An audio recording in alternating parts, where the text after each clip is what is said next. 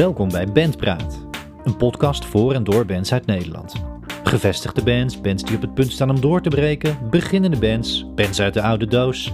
Alles komt wel voorbij in deze zoektocht naar verhalen over alles wat met het spelen in een band te maken heeft. Ik ben Timo Epping, zanger en gitarist bij de band Rufus King. En ik ga in gesprek met de mensen achter die bands over, nou ja, bands dus, muziek, songs maken, studiosessies, gigs, toertjes en nog veel meer. Ik ben benieuwd naar de verhalen, naar de mensen zelf, ambities, uitdagingen, strategieën, inspiratie, eigenlijk alles. En ik hoop ook wat te leren van iedereen. Deze podcast is op alle bekende platforms te beluisteren. Ik ga in gesprek met bands en artiesten die ik tof vind, maar ik ben altijd op zoek naar nieuwe bands voor de podcast. Volg Bandpraat op Instagram via @bandpraatpodcast of op Twitter en stuur me een DM of mail me via bandpraatpodcast@gmail.com met jouw ultieme tip of als je zelf in een band speelt en mee zou willen doen. Zou ook heel tof zijn als je een review achter zou willen laten op Apple Podcasts of via Anchor FM. Volg de podcast op Spotify, Google Podcast, ja, whatever. Ik zou alles heel erg waarderen en het helpt de podcast. En ik hoor ook graag wat je van Bandpraat vindt. Ik ben heel benieuwd waar je naar de podcast luistert. Dus tag ons op Instagram of Twitter. Oké, genoeg voor nu. Tijd voor een nieuwe band.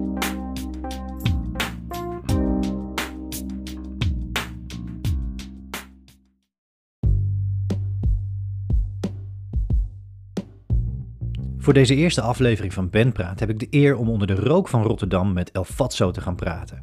Brengers van rock en roffa. Vieze en vuige rock uit Rotterdam. Met drummer Jur en gitarist en sinds kort ook toetsenist Thomas ga ik in gesprek over het ontstaan van de band in 2016. Hebben we het over mythevorming rond de bandnaam, over de ontwikkeling die ze hebben doorgemaakt als band, over het zijn van een live band, over bandwedstrijden en over toeren zonder schoenen en nog veel meer. We dobbelen tijdens de vaste rubriek de standaardvragen. We bespreken vijf dilemma's en kijken waar El Fatso volgens Jur en Thomas over vijf jaar staat. Oké, dit gaat mooi worden. Op naar Rotterdam. Op naar El Fatso.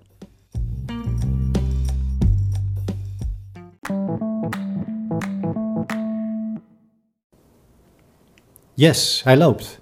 En uh, ja, dit is de allereerste bandpraat, dus de spanning is om te snijden hier aan tafel. Allereerst thanks dat ik hier mag zijn. En uh, met, met hier bedoel ik aan tafel bij en met Jur en, en Thomas van El Fatso. Um, thanks dat ik hier mag zijn, dank je.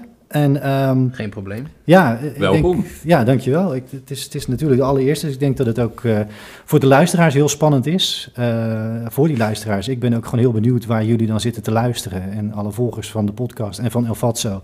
Laat het even weten. Uh, neem ons ook even mee in je socials. Tag ons en laat, je, laat ons even zien waar je luistert en hoe je luistert. Wanneer. We willen het allemaal weten.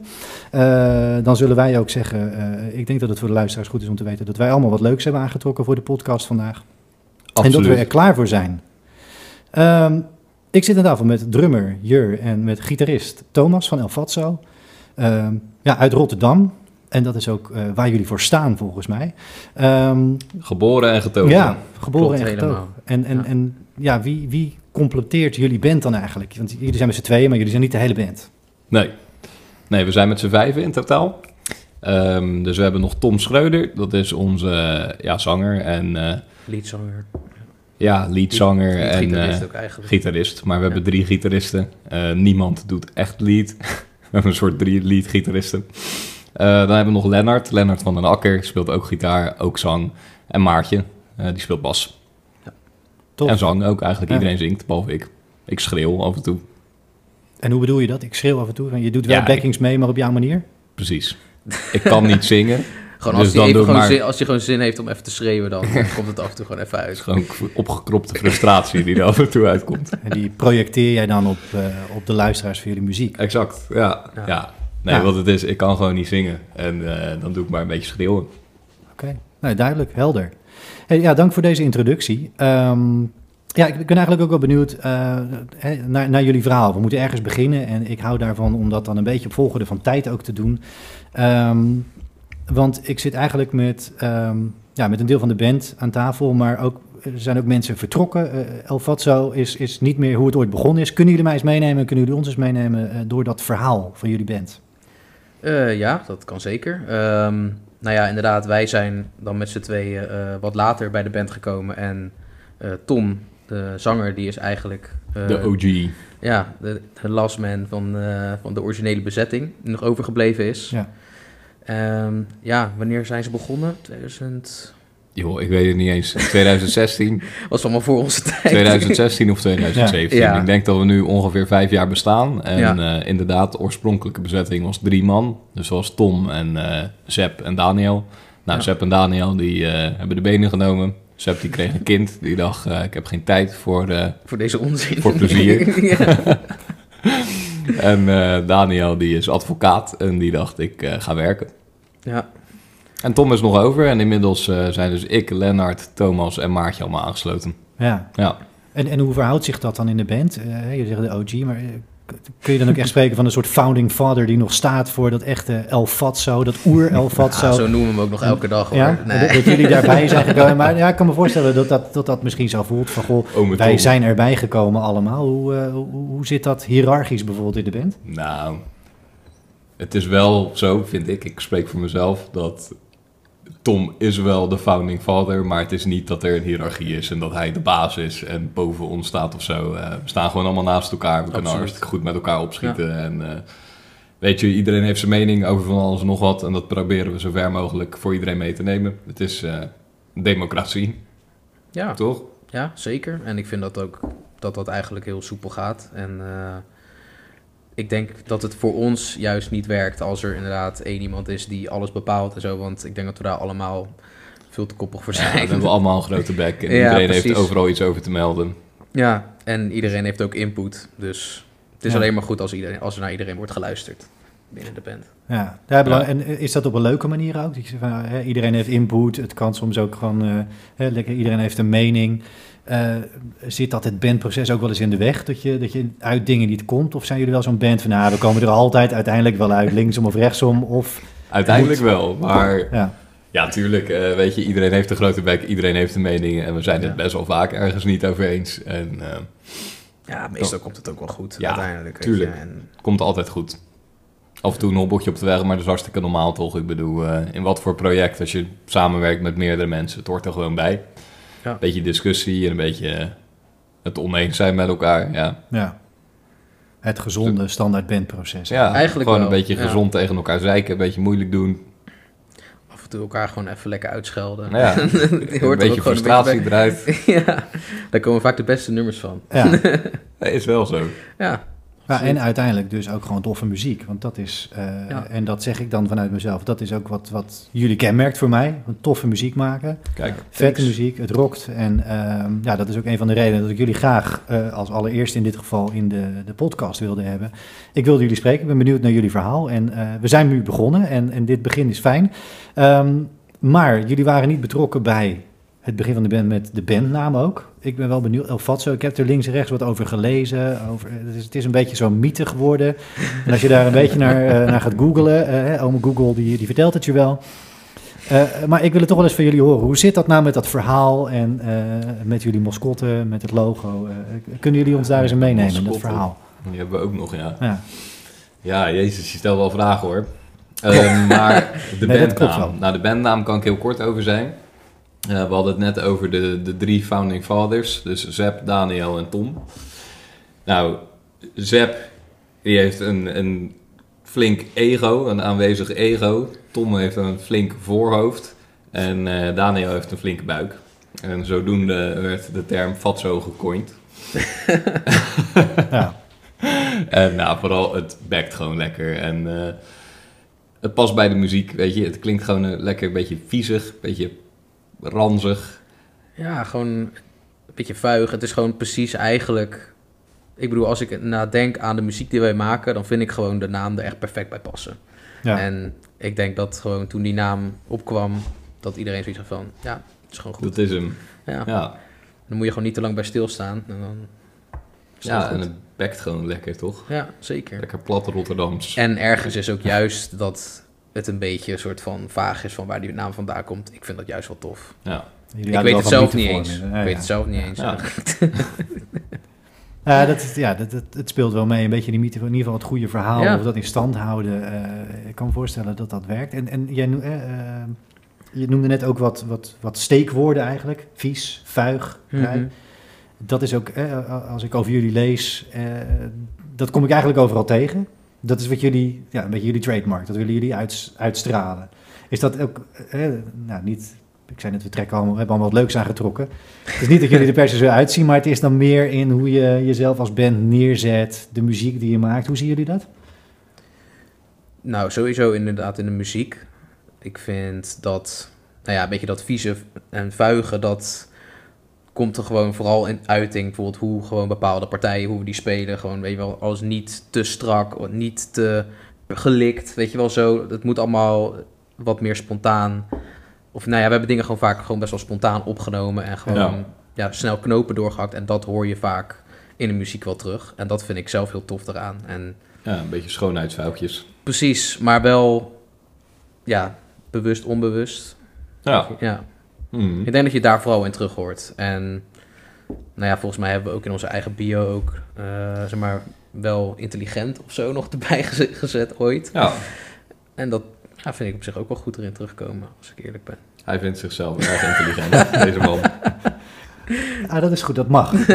nee, en en, en Jur, als, hè, wat, wat, dat, wat is dat dan voor jou als je zegt van dat, dat moeten we steeds vertalen naar wat we doen? Of gebeurt dat gewoon automatisch? Nou, ik denk meer dat het iets is wat automatisch gebeurt. En gewoon een beetje, ja, een beetje cliché, maar ook, uh, hoe zeg je dat, iets wat ons een beetje verbindt of zo. Weet je wel, als ik denk aan onze band en waar we heen willen, ik wil gewoon graag in een klein, vies, donker zaaltje staan met een hoop vieze, zwetende mensen die allemaal een beetje tegen elkaar aan staan te beuken en een biertje staan te drinken, weet je wel. Dat is wat ik Ja. voor me zie bij vies en vuig en vunzig. Mhm.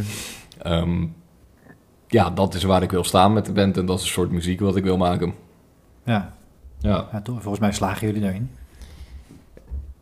ja ik denk het ook. Ja, qua muziek zeker.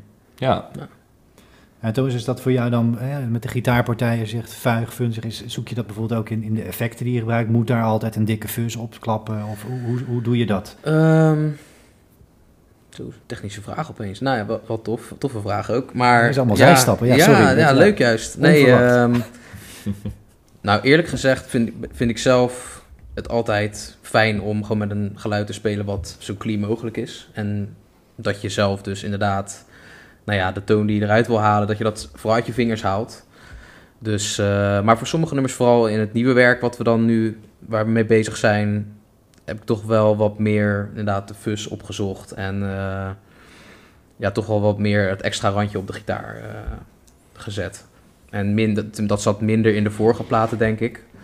Maar ja, daar was ik zelf ook niet bij het opnameproces erbij. Ja. Dus eh, ja, dat heb ik toen gewoon live in moeten vullen. ja, ja. Maar ja. En als jij er geen effectje overheen had gegooid, dan heeft Martijn het wel gedaan. Die de boel heeft gemixt. ja, Oké. ja. Die heeft ook bijgedragen aan het, eh, het vieze en het funzige en het vuige. zeker. Ja, Ja. die in moeten we het zeker ja. geven. Ergens Ja. in, het, in het proces, Ja. alle betrokkenen, er wordt links en rechts altijd wel wat vuiligheid toegevoegd. Ja. Eh, Ja, maar het is natuurlijk ook omdat we met bijvoorbeeld drie gitaristen zijn, is Ja. het ook lastig om. Kijk, we kunnen overal wel eh, dikke overdrive of van alles op, opgooien, maar ja, je moet het ook gewoon. Nou, op de plaat kan het natuurlijk prima, maar live moet je ook de drie verschillende gitaren wel nog enigszins duidelijk kunnen horen. Dus ja. ja, dat proberen we ook altijd wel een beetje in balans te houden. Dus niet alles te, ja, te vuig, zeg maar. Ja. We zijn een beetje aan het nerden nu. Eh, Weet je, de technische hoek in. En daar wil ik heel even blijven. Als je, goed- en, en, en Jur, dan kom ik straks ook weer terug bij jou. Ik heb ook eh, drummervragen. Eh maar even de gitaar.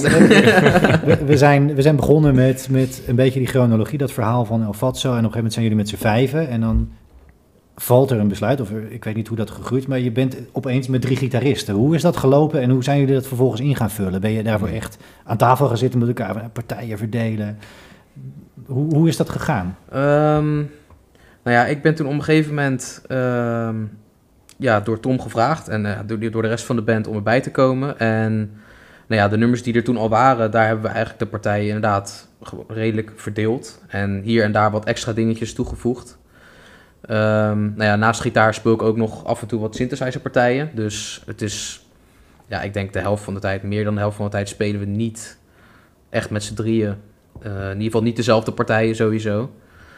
En nou ja, voor het nieuwe werk hebben we vaak inderdaad dat, inderdaad, dat we gewoon ritmepartijen spelen en dat één of twee eh, gitaristen dan inderdaad of harmonie of iets anders van lijntjes spelen. En zo lossen we het op die manier op. Ja. Ja. Maar het is, het is eigenlijk echt een- wel een verrijking, denk ik, in vergelijking tot dat je met, met twee gitaristen speelt. Ja, Je kan veel meer. erg verwarrend voor de geluidsman vaak. Ja, ik dacht dan altijd dat wie speelt lead. En dan Ja. staan wij daar van, ja, geen idee. Nou ja, ik, ik kan me voorstellen, en dat, dat is dan, hè, we, we willen ook met de podcast een beetje een platform zijn voor, voor andere bands. Even luisteren, hoe doen die anderen dat nou? Dat is ook iets waar ik zelf heel benieuwd Ja. naar ben. Dus, dus vandaar ook de vraag van hoe, doe je, Ja. hoe vul je dat in met drie gitaristen? Maar daar loop je, hè, in de studio heb je daar misschien nog wat controle over, maar eh, live loop je daar natuurlijk tegenaan. Daar heb je te maken met een setup, je hebt te maken met geluidsmensen. Is dat dan ook echt iets waar je als band je, je rider op schrijft bijvoorbeeld? Of, of hè, is, dat, is dat iets waar je als band ook... Ja, Jur? Ja, nou ja, ik denk dat we in onze rider onder andere daar zo duidelijk mogelijk in proberen te zijn. Van hey, we hebben drie gitaristen en we hebben er volgens mij inmiddels ook echt bij staan dat die alle drie dus niet lead spelen. Dat iedereen Ja. een leadpartij heeft, Ja. eh, om het maar makkelijk te maken. En nou ja, als de kans ervoor is, dan bespreken we dat van tevoren ook altijd wel met de geluidsman. Maar ik, ik snap heel goed je vraag, want ik denk eerlijk gezegd ook dat het voor ons af en toe best een issue is. We Ja. zijn nu nog op het punt dat we toch af en toe nog spelen in een zaaltje waar misschien niet de allerbeste geluidsman aanwezig is en de allerbeste de apparatuur. En ja, dan is het geluid af en toe wordt het ook gewoon best wel muddy en Mhm. rommelig en is voor ons best wel een struggle, moet ik eerlijk toegeven. Zeker ik als drummer zijnde, ja, ik heb af en toe gewoon, als ik geen in-ears gebruik, dan denk ik ook, jezus, wat hoor ik allemaal man, dit is echt... Ja, want jij zweert, jij zweert bij in-ears achter de, achter de kit. Nou, nog niet. Ik zit nu een beetje op het punt dat ik daar eh, langzaamaan aan... eh, ik ben aan het overstappen, om het zo maar te zeggen. Maar het scheelt wel echt. Maar dat heeft ook echt te maken met hoe jullie als band nu hebben ontwikkeld dan in, in de Ja, geluid en zeker. sound. Ja, zeker. Ja, absoluut. Ja, Ik denk dat we gewoon eerlijk gezegd best een ingewikkelde band zijn om te mixen. Dat denk ik ook, ja. Ja, ja want eh, zeg maar, van, gewoon qua partijen gaat het inderdaad echt van de hot naar her. En heb je soms amper door wie wat speelt. Ja, iedereen heeft solo's ook. Ja. ja, je probeert natuurlijk op het podium dan, weet je wel, als de ene partij of als de ene gitarist lead speelt, dan natuurlijk speel je dan minder hard, logisch. En Ja. heb je je gitaar even wat minder vol staan. Maar ik denk inderdaad dat, het, dat wij inderdaad als voor een geluidsman zijn wij niet de makkelijkste band. Nee, En soms ook voor onszelf niet, om onszelf goed terug te horen over de monitors. nee joh. En als we in de oefenruimte zitten, jongen, ik hoor echt geen flikker. Ik speel gewoon mijn partijen en ik ga ervan uit dat de rest maar meespeelt. Ik hoor echt geen flikker. volgens mij is dat voor veel drummers een bekend verhaal. eh, Ja. dat, eh, Ligt Ja. ook aan de oefenruimte hoor. We zitten in een soort schoenendoos met z'n beiden. Ja. ja, oké. Maar als je met drie gitaristen speelt, heb je in ieder geval drie die altijd te hard kunnen staan. Dat, eh, nou het is vooral Lennart altijd hoor, die te hard Oké. staat. Is dat zo? Ja, absoluut. Oh. Hey, even terug naar, eh, de- als, ja, ik weet niet of we van een rode draad kunnen spreken, maar ehm, eh, jullie hebben het al een beetje over de voorbereiding van een show gehad. Ehm, eh, we hebben de chronologie achter ons eventjes, we hebben het over geluidsmannen en, eh, en over riders. Maar jullie profileren jezelf, als ik het goed begrijp, toch wel echt als een live band. Jullie nemen veel op, daar wil ik het straks ook nog graag over hebben, maar jullie willen echt vanaf het begin af aan, El Fatso is live band, is live energie, is knallen. Eh Jur, jij zei het net al, ik wil tussen zwetende lijven, massa, schouder aan schouder. Kunnen we het ons nog voorstellen tegenwoordig, maar je wil daar staan. Kijk Ja. hem eens blij kijken staan. ook erbij. Kijk hem eens blij kijken ook. Ja, ja de, de, de luisteraars kunnen het niet man zien, maar eh, het, Ja. het is hier spectaculair om te zien, kan ik zeggen. Ehm, maar, maar, maar Jur, kan je, kan je ook die, die energie, is dat iets waar jullie ook echt op repeteren? In wat jullie dan het brakke oefenhokken? Eh, Als jullie zeggen, we zijn een live band, Ja. is dat ook echt iets waar je, waar je aan werkt met elkaar? Ja.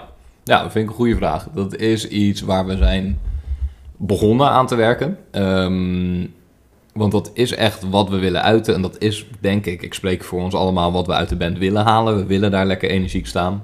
Tegelijkertijd, we hadden het net over eh, ja, de intelligente partijen af en toe. We hebben allemaal, denk ik, af en toe best ingewikkelde partijen waar je gewoon bij moet focussen. En daardoor ontbreekt het nog wel eens, die energie. Ja. Ehm, en dat is eigenlijk iets van de laatste tijd waar we best wel bewust mee bezig zijn. Ook in de oefenruimte. Dat we denken van, joh, liever dat je daar een beetje staat te springen en er energiek uitziet en toch een foutje maakt, dan andersom, weet je wel. Mhm. Ja, toch gewoon die balans even net wat anders.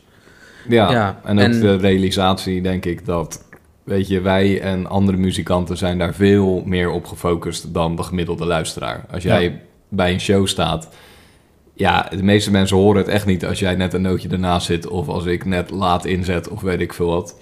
Maar die zien het wel als je lekker staat te springen en staat te beuken en weet ik veel wat. Het is gewoon, het hoort erbij, weet je wel. Het is Ja. ook een deel van de ervaring van Ja. de show. Ja, ik denk dat we er wel steeds meer bewust van zijn geworden dat zeg maar op het podium staan is niet alleen maar muziek maar, maar het is gewoon heel de performance die, Ja, die echt meetelt. En inderdaad ook als je de energie van het podium afstraalt, dan krijg je die ook terug. ja het zijn niet alleen je partijen, weet je wel. Je zet er gewoon een soort ja, ervaring performance neer, neer, weet ja. je. En eh, hoe je erbij staat hoort daar ook echt bij. Absoluut. Ja, dus dat is wel iets inderdaad waar we afgelopen tijd mee, meer mee bezig zijn. En nou ja, als ik voor mezelf mag spreken, dat was dan sowieso het laatste optreden wat we gedaan hebben.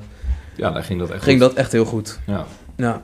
En dat kregen we ook echt terug van het publiek, dus dat was echt heel tof. ja. En wat maakt dan dat dat goed is? Dat je, is dat iets wat, wat, wat je zelf gelijk voelt van ja, dit is Voel je lekker? op het podium Ja. ook. Ja, en, en, absoluut. en, en is, dat, is dat ook wat je dan terug voelt? Of, of is dit daar...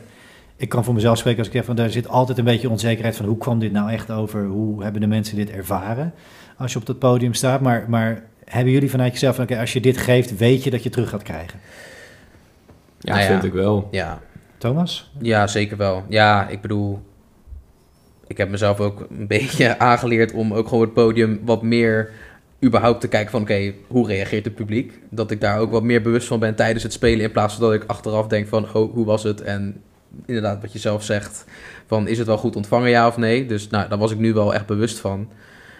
En nou ja, je merkt gewoon tijdens het spelen al dat het gewoon lekker gaat en ik weet niet, het is denk ik ook gewoon iets onbewust dat je dat van het publiek meekrijgt, ja of nee. Ja, man. Maar ik vind dat je daar ook mee bezig moet zijn. Weet je wel, Ja. als je soort van allemaal het podium afkomt en je staat dan in de backstage en je moet aan elkaar vragen van Was het oh, een hoe goede ging show? het Ja. en wat vonden mensen ervan? Ja, dan is het dus eigenlijk geen goede show. Weet je wel, Nee. je moet een beetje ja, gewoon zien hoe mensen erop reageren Ja. en daar een beetje op inspelen. Ja, je maakt toch tijdens zo'n show moet je eigenlijk een beetje een soort van wereldje creëren met het publiek. En Ja, dat is een soort Ja. dialoog. precies. Ja. Ja. En, en, en hoe voelt hè, van achter die drumkit hier, zegt van die energie, kan jij deels natuurlijk ook het- letterlijk het kloppend hart van de band. Is dat ook echt iets waar je, waar je op tikt, waar je op, op, op hè, de band op aanjaagt? Misschien ook is er bij jullie een soort coach ook op, eh, op, op, het, op het podium. Die zegt van hé hey jongens, we moeten niet alleen goed spelen, maar nu hebben we die energie even nodig. Of ben je er allemaal zelf verantwoordelijk voor? Je? Ja, ik denk dan toch een beetje het laatste. Ik denk niet zozeer dat wij een coach hebben. Misschien zou het goed zijn, maar je steekt elkaar wel aan. Weet je wel, als je ziet Ja. dat iemand anders lekker gaat, dan ga je zelf ook lekker. Ja. En andersom ook, het werkt ook de andere kant op. Als ik eh, ja, Thomas' kant op staat en eh, Thomas' kant op kijk en hij staat in een hoekje met zijn hoofd naar beneden, een beetje stilletjes spelen, dan denk ik niet van, oh, kom, we gaan helemaal los, weet je wel. ja. Dus je Ja. steekt elkaar gewoon aan en Ja. je gaat een soort van gezamenlijk een bepaalde flow in, om het zo maar te zeggen. En toch een team dan eigenlijk. Zeker. Ja, absoluut. Ja. Ja, je staat er ook gewoon met z'n allen. Weet je wel, jouw partij in zijn eentje. eh, niemand betaalt daar eh, een kaartje voor. Weet je wel, je komt om Nee. een band te zien en niet Ja. om een gitarist te zien of om een drummer te zien. Ja. Ja, En is dat voor jou, Thomas, iets... eh, Als je, zegt, je, je- speelt eigenlijk twee instrumenten. Je bent multi-instrumentalist en je zingt er nog bij. Dus je hebt wel heel veel taken op zo'n avond. Eh, Mhm. Is dat ook iets waar je... eh, ik kan me voorstellen, je bent continu bezig Ja. en geeft daar al heel veel mee. Is dat, is dat iets wat je, wat je hebt moeten leren ook op den duur Ja, als, als, muzikant? Ja. ja, ik bedoel, ja, ik speel al redelijk lang gitaar. Dat is het eigenlijk mijn, mijn main instru- instrument. Ehm, en inderdaad, synthesizer was voor mij echt, nou ja, helemaal nieuw. En nou ja, moet je al die dingen moet je leren. En dan moet je dat ook nog eens vrij snel op het podium kunnen. Plakkertjes Dus- op de toetsen. Eh, Dat heb ik, ik heb het overwogen, maar ik heb het niet gedaan. ik denk dat Tom dat ook niet leuk had gevonden. Toch anders. eh. Nee, dat heb ik niet gedaan. Maar ehm, ja, dat was de eerste paar keer op het podium was het wel even wennen. Maar nou ja, hij, het is, hij moet het wel doen eigenlijk hoor. Mhm, ja. nee, eh, het ging daarna eigenlijk best wel gewoon prima. En op een gegeven moment went het heel erg. En ja, je raakt er gewoon aan gewend. Het is hetzelfde als dat je zeg maar gitaar speelt en zingt tegelijk. Op een gegeven moment Ja. gaat het wel automatisch. Ja. Nou, je gaat je er ook aan aanpassen natuurlijk. Je, Ja, je, zeker. leert, je leert het trucje. Ja. Ja, inderdaad. Nou ja, af en toe vind ik het wel lastig. Bijvoorbeeld met, ja, met synthesizer ben je toch iets minder bewegelijk. Dat vind ik dan af en toe even jammer als het dan inderdaad een, juist een heel tof stuk in het nummer is. Ja. Dat jij dan even degene bent die even eh, stil moet staan. Maar eh, ja, voor de rest, ik vind, het, ik vind het heel tof dat ik juist zoveel dingen kan doen op het podium. Dus, eh, Ik ja. vind het ook een vette toevoeging, man. Ik ook. Ja. is nice. Ja. Waar komt dat vandaan binnen El Fatso? Want eh, synthesizer associeer ik niet altijd direct, en, en sorry synthesizer luisteraars, met vuig of vies. Ja, nou ja, het is niet echt meer, het is niet echt per se synth-partijen. Het zijn meer af en toe gewoon van die lage basdingen of echt een beetje van die, ja, ja, smerige geluiden eigenlijk. Ja, die haal je er gewoon uit. Ja. Ja. Ja, dus niet echt van die, eh, ja, weet je wel, niet van die Ja. Toto Africa-achtige dingetjes. Weet je, wel, dat zit er niet bij. Ja. Nee. Nee, het is eigenlijk voornamelijk zijn het gewoon hele lage, beetje zagende geluiden. Ja, ja. ja. ja. en dat voegt, ja, in mijn Ja, optiek ik vind eh, dat heel vet. Het maakt gewoon de boel af en toe een stuk dikker. Ja, Ja. Ja. Sfeer, eh, Zeker, ja, en, ja. eh, bepaalde registers. Ja, ook, nee, absoluut. tof, ja. ja.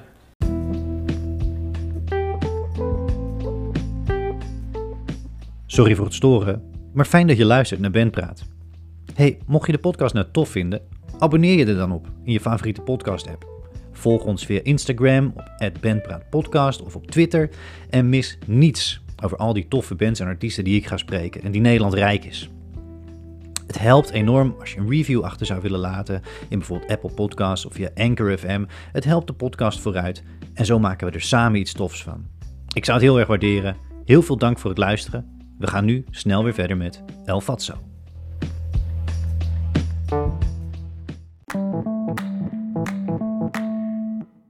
Ik wil graag even op de, door ook op dat, op dat live spelen.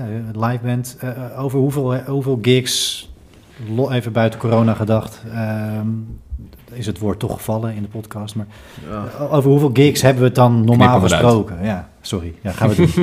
Ja, Alles dat, weet, dat weet jij misschien het best.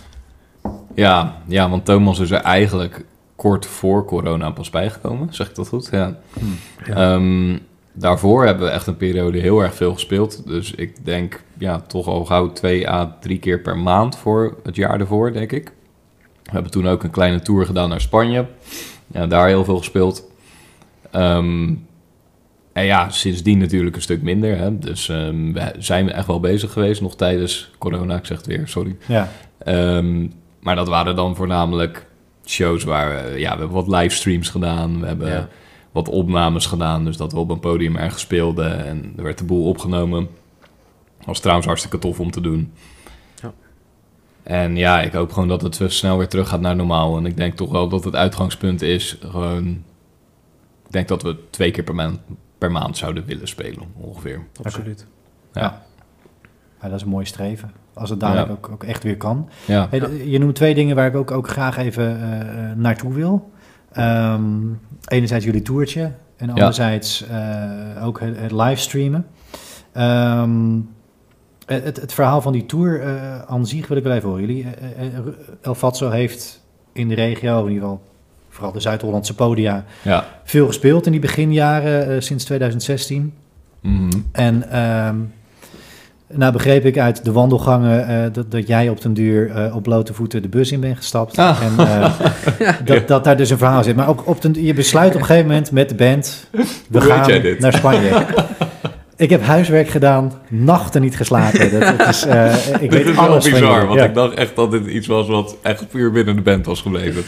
Ja, maar je, ik je ik hebt wil nu dus alles weten. En, Ja. eh, nee, maar, maar vertel eens, want eh, ik denk dat ik dat aan jou wel moet vragen hier. Ja. Hoe, hoe ontstaat zo'n idee van we gaan naar Spanje, we gaan daar spelen en we gaan een toertje eh, doen? nou daar kan ik heel kort over zijn. Eh, dat is echt super niet rock and roll, maar de oude bassist, Zep, die, eh, zijn ouders hadden daar een vakantiehuisje. En we dachten, nou prima, dan gaan we daarheen. En dan boeken we wat shows rondom dat huisje. En dan gaan we daar gewoon eh, een week of twee zitten. En dat is eigenlijk hoe het ging. Dus we zijn gewoon gaan zoeken naar eh, ja, barretjes in de buurt en podia en bandjes die daar speelden. En gewoon als een gek gaan mailen. Dus we hebben een aantal avonden met heel de band in mijn oude huis gezeten. En gewoon echt vier uur lang zitten mailen. Ehm, en daar kregen we best wel de reactie op terug. Van, nou, jullie zijn welkom. En ja, het waren natuurlijk niet de grootste shows, eh, maar echt wel wat leuke avonden gehad. Ook heel veel samengespeeld met een bandje uit de regio daar. De Happy Freuds heten ze. super gezellig was dat. Ja. En zodoende, ja, toen gingen we ineens naar Spanje. Ja, en, en, en ja, dan eventjes een, een pure vraag als leek, want hè, het spelen is, voor- is voor mij nog, nog altijd in Nederland gebleven. Maar hoe word je daar dan ontvangen als, eh, Nou, eh, nou, als Rotterdamse rockband? Oprecht, supergoed. Ja? Ja, en daarom baal ik een beetje van het feit dat we in Nederland wonen. Volgens mij ben je veel beter af als je in Spanje woont. Of welk ander land dan ook. Dan in Nederland als je rockmuziek maakt. Eh, iedereen super enthousiast. Nou ja, wij waren natuurlijk totaal onbekend voor mensen daar. Maar we hadden best wat opkomst. Ja, mensen die zopen zich gewoon helemaal de pletter. En eh, En jullie spelen. ja, en wij Ja. speelden en ze deden mee. En ja, voor mij persoonlijk waren dat wel echt ehm, onze leukste optredens eigenlijk. Ja. Ja. Maar los van de locatie waar jullie dan zaten, was het verder behoorlijk rock'n'roll dan. Het is een busje naar Spanje en, Dat was, en, ja. en daar spelen. Ja, dat was mogelijk onze meest rock'n'roll eh periode van de band. Ja, En- en dan- dat was ook een mooi verhaal, want de avond voordat we weggingen... speelden we in Roadtown in Rotterdam. Ehm, dat was voor het Eendrachtsfestival. Grote show. Ja, en dat was volgens mij op een donderdag of zo, of vrijdag, weet ik veel wat. En twee dagen later zouden we dus in Spanje spelen. Dus we zijn echt, we hebben daar gespeeld. Toen zijn we naar huis gegaan, hebben drie uurtjes geslapen of zo. En toen zijn we die bus ingestapt. En ik dus zonder schoenen. ja, dat was, eh, nou ja, dat krijg je als je maar drie uur slaapt. Dus ik Ja. stapte die bus in. Het was midden in de zomer. En eh, op een gegeven moment ja, ik weet niet meer wat de context was, maar Lennart of zo maakte een grapje. En toen zei ik een soort van gekscherend, zei ik erop van, ah ja, ik heb geen schoenen bij me. En toen dacht ik ineens van, holy shit, ik heb geen schoenen bij me. ik heb gewoon echt geen schoenen bij me. Ik was gewoon op blote voeten die bus ingestapt en we waren gewoon gaan rijden. En eh, nou ja, toen heb ik daar eh, schoenen gekocht voor 2,50 euro. Ja, dus je hebt het niet tijdens de tour volgehouden, ook op blote voeten en met, Nee, nee, met nee. 5 Ik heb, centimeter eh, eelt op je, op je zolen. Ja. ja. Nee, ik heb daar schoenen gekocht. Ik heb ze nog steeds. Ik draag ze niet, maar ik heb ze nog. Gewoon als, als souvenir. Eh, Ja, de tour souvenir. zapatos. Ja, aandenken. Ja. maar eh, smaakt het naar meer, zo'n toertje? Wij, dit dit Ja. hebben wij zelf geregeld. Eh, werken jullie met een boeker overigens in, in, in Nederland? Of, of is dat verder, is het echt DIY? Ja, voornamelijk DIY. Ja. We hebben hier en daar wat contacten, maar ehm, op dit moment voornamelijk DIY. Maar daar willen we graag wat aan doen. Ik, eh, ja, we zijn een beetje op het punt nu dat dat ook kan, denk ik. Ja. We hebben best wat vette shows gespeeld, wat vette voorprogramma's, vette zaaltjes. Eh, nou, we hebben dat toertje gedaan en eigenlijk ging dat allemaal best wel soepel. We hebben dat gewoon redelijk makkelijk uit de grond weten te stampen. Ehm, en daar willen we nu een beetje op doorpakken. Ik denk dat dat de volgende stap is om echt een, Ja, eh, een boeker absoluut. te vinden. Ja. Oké. Hey, en, en over internationaal, we blijven even internationaal. Ehm, want jullie hebben dat, dat, dat Spaanse eh Costa-toertje gedaan. Ja. Ehm, maar jullie zijn ook succesvol geweest in Amerika. Of in ieder geval internationaal op Reddit. Oh ja. En dan Ja, hebben we ja. het over, eh, over de single Rodian. Die op Reddit ineens op één stond. Dat is eigenlijk alles wat ik er een beetje eh, over weet en, en, en kon lezen. Ja. Maar eh, wie kan mij meenemen in dat verhaal? Hoe, hoe, hoe is dat gegaan en hoe word je dus ineens Ik op een internationaal platform een hit? Ja, nou... eh, had, jij toen die, eh, had jij toen een post gemaakt op Reddit of Ja. zo? Of, eh, Ja, stiekem dus helemaal niet zo'n spannend verhaal. Maar inderdaad, ik heb het gepost op Reddit. Alles is rock en roll hier. Ja, eh, ja. nee, maar ja, je, je maakt een post en het heeft nog nul likes, dus op zich. ja. Ja. Nee, je hebt een, eh, een subreddit heet dat dan. Dat heet Listen to, Listen to This. Dus ja, daar posten mensen gewoon een beetje onbekende muziek. Nou, ik had een van onze nummers daar gepost en dat ontplofte toen best wel. Eh, we kregen heel veel reacties van mensen die dachten dat dit een andere band was van eh George Homme, van eh, de zanger Oh. van Queens of the Stone Age. Oké. Ik snap de vergelijking op zich ook wel. Ja. En ja, dat kreeg toen echt gigantisch veel aandacht. En eh, voor ons heel tof natuurlijk. Een hoop streams, een hoop eh, views uitgehaald. Ja. Was wel echt leuk. Ja, ook vooral veel dan Amerikanen, denk ik, die daarop reageerden of zo. Ja, Ja. ja. Ja, dan merk je soms toch ook wel, weet je wel, dat onze muziek en inderdaad vooral rock en roll gewoon vooral ja, in het buitenland toch wel wat meer aantrekkingskracht heeft of zo. Weet je wel, dan dat je af en toe wel denkt van ja, Ja, ik denk dat Nederland gewoon niet echt het land is voor onze muziek en voor Nee. rock in general. Ik bedoel, je hebt echt wel wat stevige Nederlandse bands. Dus eh, De Staat bijvoorbeeld en eh, Ja. hoe heet die gasten? Ehm, The Wolf. Ja de. Wolf ook. Ja. Ja, was niet wie ik bedoelde overigens. Ik kan er even niet opkomen. Maar Ik dacht het te zien aan hoe je je vingers hield, maar het was het niet. ja, maar de- ik denk dat we kunnen concluderen dat er, dat er best heel veel talent en heel veel goede bands zijn in Nederland. Zeker. En daar reken ik jullie zeker ook mee. Ehm, maar er wordt ook al langer geroepen inderdaad, rock is dood, rock en roll is dood. In Nederland dan in ieder geval. Dus, dus Mhm. is dat ook voor jullie een reden om te zeggen van nou, wij zoeken het eigenlijk het liefst in het buitenland. En is het misschien ook een reden dat je van god, die, die livestreams die we gedaan hebben, er zijn bands die er totaal niks mee hebben, die het niet willen. Maar dat het in jullie geval misschien een gelegenheid is juist ook om makkelijker Ja. internationaal te zoeken. Nou, daar hebben we niet echt over nagedacht om, dat, om die livestreams om die reden te doen. Maar ja, sowieso is het gewoon nice als je zo'n livestream doet of iets van een opname. Dan heb je gewoon tof materiaal. Ja. En nou ja, dat je het dan inderdaad digitaal uit kan brengen is, eh, is sowieso een voordeel. Want het is dan inderdaad grensloos. En ja, daar hebben we, zeg maar, daar hebben we niet echt bij stilgestaan. Maar ja, we ik hebben... denk ook niet dat we ons daar specifiek op willen richten. Dat we willen Nee. ons niet marketen voor het buitenland of zo. Weet je nee, wel. maar ik denk wel bijvoorbeeld dat, ja, weet je wel, neem gewoon even België of Duitsland of zo. Ik denk dat wij daar redelijk makkelijk wel ook weer een toertje of zo of iets dergelijks Ja. zouden kunnen regelen. Ja. En dat dat best wel goed aan zou kunnen slaan. Dat hebben we meerdere malen gehoord van verschillende mensen. Dus Ja. zeker iets wat we moeten Ongetwijfeld gaan, gaan, eh, we dat doen. ook. Zeker doen. Over Duitsland Ja. ken ik die verhalen inderdaad ook. Zeker. Ja. Ja, dat, eh, Dus, dus luisteraars die met rockambities in een band internationaal willen zoeken, moeten vooral een, een busje zonder schoenen kan naar Spanje. Precies. Met ja. schoenen eventueel naar Duitsland. Liefst met zo min mogelijk slaap dat busje instappen. Ja. Dan- Dat was nog een ding, man, met die tour. Want we gingen dus, hadden in Rotterdam gespeeld. Nou, ik denk dat we 25 uur hebben gereden naar Spanje. Naar, hoe heet het, Moreira of zo. Iets, weet ik veel. Bij Alicante lag het in de buurt. Echt pleuris ver weg in ieder geval. nou, 25 uur rijden. En we deden natuurlijk een beetje wisselen. Maar ja, we waren toen met z'n vieren. En het verliep echt verdacht goed. Het bleef gewoon gezellig. En nou, ik heb volgens mij de helft van de rit een slappe gehad. Maar toen kwamen we aan op een gegeven moment. En toen was het gewoon eind van de ochtend of zo, tien uur. En die avond zouden we dus spelen. Dus ik was klaar wakker. Ik was helemaal over mijn slaap heen. En Tom ook. Lennart en Zep gingen op bed liggen. Wij zijn toen gewoon heel de boel gaan opbouwen. Heel de woonkamer leeggehaald. Een soort studio opgebouwd. En toen was het op een gegeven moment vier uur. Toen dachten we, ja, laten we toch nog een uurtje gaan liggen. Nou, slechtste idee ooit. Echt, holy shit. Ik werd wakker en Tom ook. Ik dacht echt dat ik aan de drugs was. Ik was gewoon 26 uur wakker geweest. Toen een soort uurtje geslapen. En daarna moesten we door om te spelen. Dat was echt niet te doen. Man met de hamer kwam even voorbij. Zo. Ja. Ja, Maar toch gelukt. Ja, het is gelukt. Het was een hele vette show ook, die eerste. Maar eh, pff, holy shit. Ik heb daarna volgens mij echt 14 uur geslapen. Even inhalen, ja. Ja, Ja, wel grappig, want we hadden ook nog pas... ehm, die stream. Ja, zeg maar, ik was daar niet bij, maar toen hadden zij met z'n vieren eh, een soort van akoestisch livestreampje gedaan op Facebook. Nou ja, daar kwamen toen volgens mij ook de nodige eh, allemaal. ja, biertjes bekijken en zo. Dus die staat nog op steeds op Facebook, dus zeker een aanrader voor mensen om die nog even te checken. Check allemaal, ja. White Ja. Russians waren Ja. het. Ja, Ja. om Jur even goed dronken te zien en eigenlijk de rest ook.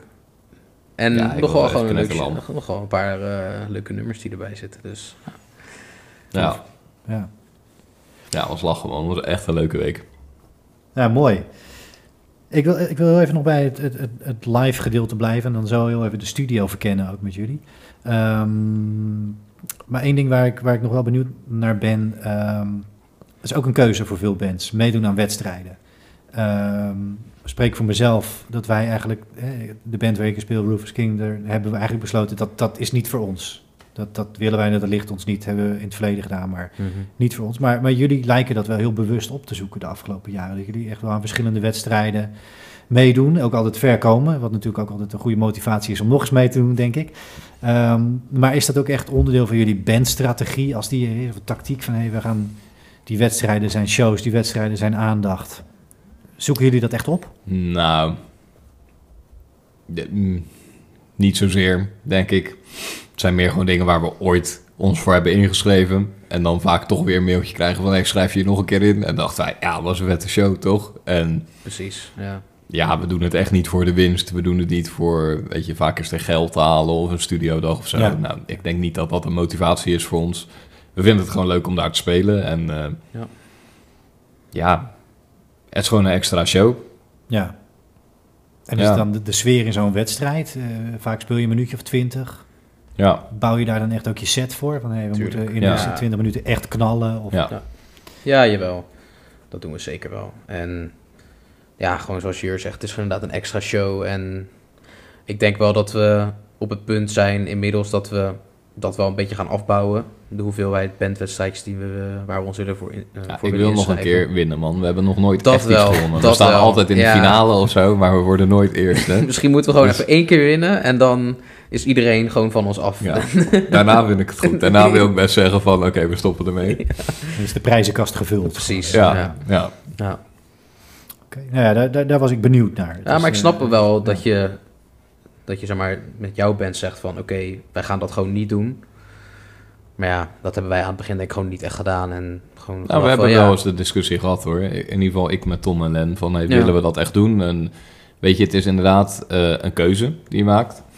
Ehm, ik denk dat het voor ons nu goed is. En inderdaad, wat Thomas zegt, dat Ja. we het binnenkort af moeten gaan bouwen. Precies, ja. Ja, en als je inderdaad zegt voor, voor mensen die net met een beetje beginnen, die dit luisteren of zo, ja, ik zou, ik zou het zeker doen, want het is enorm leerzaam en Ja, je ziet ook veel andere bandjes en je leert ook veel andere bandjes kennen, omdat Ja. je natuurlijk Ja, ja, gewoon backstage Ja. ook bent, dat soort Ja. dingen, dus het helpt je netwerk ook in die zin. absoluut, absoluut. Ja. ja, we hebben er heel veel leuke contacten denk ik aan overgehouden en ook, ook gewoon shows mee gefixt uiteindelijk. Ja, en zelfs wat connecties met zaaltjes. En dat is altijd mooi meegenomen. Absoluut. Ja, absoluut, zeker Als, ja. als, als band met een DIY-mentaliteit grotendeels, dan heb je Precies. die contacten Zeker nodig. ja. Oké, nee, goede tip. Thanks. Ehm, ja, dan wil ik toch even naar de, de, de studio stappen. Ehm, want daar hebben jullie eh, ook eh, nou, behoorlijk laten gelden de afgelopen jaren. En in verschillende formaties eh, ook behoorlijk gereleased. Hè. Het verhaal van Reddit hebben we net al kort besproken. Eh, dat moeten we misschien dan als een soort eerste opnamefase eh, in, eh, in El, El Fatsoland zien. Ja. Ehm, maar recent zijn jullie eh, met, met Rock en Roffa eh, gekomen. Daarover is nog even één vraag over dat Rock en Roffa, dat Roffa. Is dat echt ook, ik heb trademark al een keer gezegd bij Vies Vuig, maar dat Roffa, dat is wel echt wat jullie uit willen stralen. Rotterdam, dat is jullie basis. Is dat Ja. echt ook een trademark waar jullie voor staan? ja, absoluut. Zeker. Daar komen we vandaan allemaal. Rob Ja. en Roffa, dat is wat te maken. Ja. Nou, dan hebben we dat opgehelderd. in ieder geval. dat is duidelijk. Gaan we geen eh, woorden meer aan vuil maken. Precies, ik kan er kort over zeggen. Ja, nee, heel goed. Hey, maar hoe gaat, dat, hè, hoe gaat het bij jullie in de studio? Want ik neem aan, je, hebt- je hebt meer nummers als band eh, dan wat je release, dan wat je opneemt. Waar start dat proces voor jullie? Van hey, we willen nu een single gaan maken, we willen nu een EP gaan maken. ehm, Ja. We gaan dat ergens opnemen. Hoe pakken we dat aan? Wie vragen we erbij? Ehm Jur, kan jij eens beginnen met hoe, hoe gaat Ja. dat proces bij Olfatso? Ja. Ehm, wat je zegt klopt. Dus we hebben meer nummers dan we op hebben genomen op dit moment. Dus je maakt een soort van keuze van wat gaan we opnemen. Ehm, ik denk dat dat bij ons best organisch is gegaan. Dus ja, we hebben gewoon discussie gehad over wat past nou bij elkaar. Want we waren wel best wel snel uit dat we een EP wilden maken. Ja, Ehm, dat is tot nu toe eigenlijk het enige wat we hebben gemaakt. We hebben geen singles gedaan. We hebben een soort mixtape gedaan aan het begin. Daar stond onder andere Rodion op, waar we het net over hadden. Daarna hebben we eh, twee EP's uitgebracht en binnenkort de derde. Die is inmiddels ook af. En ik denk eigenlijk dat we dat doen. Ik weet dat we dat doen, omdat we gewoon denken dat we daarmee de meeste aandacht kunnen krijgen. Als wij nu een album uit zullen- brengen, ik denk dat het een beetje zonde zou zijn van het aantal nummers. Want Ja. ja, daar gooi je dan negen nummers op bijvoorbeeld. Maar Ja. je hebt eigenlijk maar één release moment. Eh, tuurlijk breng je dan misschien eerst een single uit of twee singles van dat album. Maar daarna gooi je dus eigenlijk zeven nummers erachteraan. En je hebt maar één moment waarop je dat in de media gooit. En dat is denk ik heel nuttig als jij een hele grote band bent. Kijk, als jij eh, de Foo Fighters bent of weet ik veel wat. Lekker boeiend, weet je wel. Dan poep je tien nummers uit en je gooit het de wereld in. En Ja. iedereen wil je overal hebben. ja. Maar daar zijn we nog niet op dit moment. En als Ah, wij dat bijna. doen, ja, het scheelt niet veel. Maar, stapje. ja. precies, het scheelt niet veel. Maar kijk, als wij dat nu doen, dan krijgt dat vast ook wat aandacht. Maar daarna zijn we eigenlijk ehm, tien nummers kwijt, om het zo maar te zeggen. Ja. En je had dat ook op kunnen hakken in bijvoorbeeld drie EP's. Dan hebben we drie release momenten, drie keer een release party, drie keer een klein toertje wat we kunnen doen. Ja. En ja, dat is voor ons nu denk ik gewoon het gunstigst. Ja. Ja, dus dan is- er zit voor jullie wel echt een weldoordachte strategie achter van hey, dit is de manier waarop wij moeten Ja. releasen. Ja. Eh, uitzicht dat ook in, in hoe je het release? Want je hebt natuurlijk de digitale markt, de streaming. Eh, daar zijn jullie succesvol op. En tegelijkertijd heb ik ook voorbij zien komen vinyl, heb ik voorbij zien komen, eh, Ja. CD. Dat is ook wel iets waar jullie dan aandacht aan besteden, aan nou, fysieke uitingen. Ja, nou ja, ik denk dat dat ook gewoon vooral iets is wat we zelf heel tof vinden. Weet je wel, gewoon dat fysieke van zo'n plaat hebben of een cd, dat heeft, nou ja, voor mij in ieder geval altijd wel veel waarde. En ik denk ook voor de rest van, van de band ook. En ik denk, als wij dat waardevol vinden, dan vindt dat pub- eh, ja, ons publiek of mensen die onze muziek tof vinden, dat waarschijnlijk ook. Ja.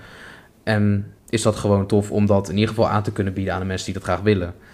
En ja, ik denk dat we dat, dat eigenlijk daarom gewoon doen. Ja. Maar ja, voornamelijk is het natuurlijk wel de, de streaming waar we ja, de meeste luisteraars vandaan halen. Maar ik vind ook gewoon dat het erbij hoort, toch? Ja. Je maakt een plaat en Ja. het is zo flauw als dat dan alleen maar een mp3'tje op Spotify is. Ja. Ja. ik vind het ook eigenlijk Dus- een beetje tekort doen aan de kunst, weet je wel. ja, je hebt muziek. er superveel tijd Ja. ingestoken, superveel energie ingestoken. En je wil gewoon dat het een soort fysiek ding is wat je beet kan houden met vette artwork, met... ja, tekst dit is niet, een zeg maar, dat boekje als, je, als, eh. een- ja, als, een, als een schilder een schilderij maakt, dan maakt hij er ook niet een foto van. Zet hij het ook niet op internet. Ja, je wilt dat toch gewoon het doel Ja. echt zien of zo. Ja, Ja. Als ik even een eh, slechte vergelijking kan maken. Ja, ik vind het mooi. Ik, Ja. pak hem wel. Ja. ik niet. Nee. Maar Ja. nice Ja, we try. hoeven het niet overal over eens te zijn.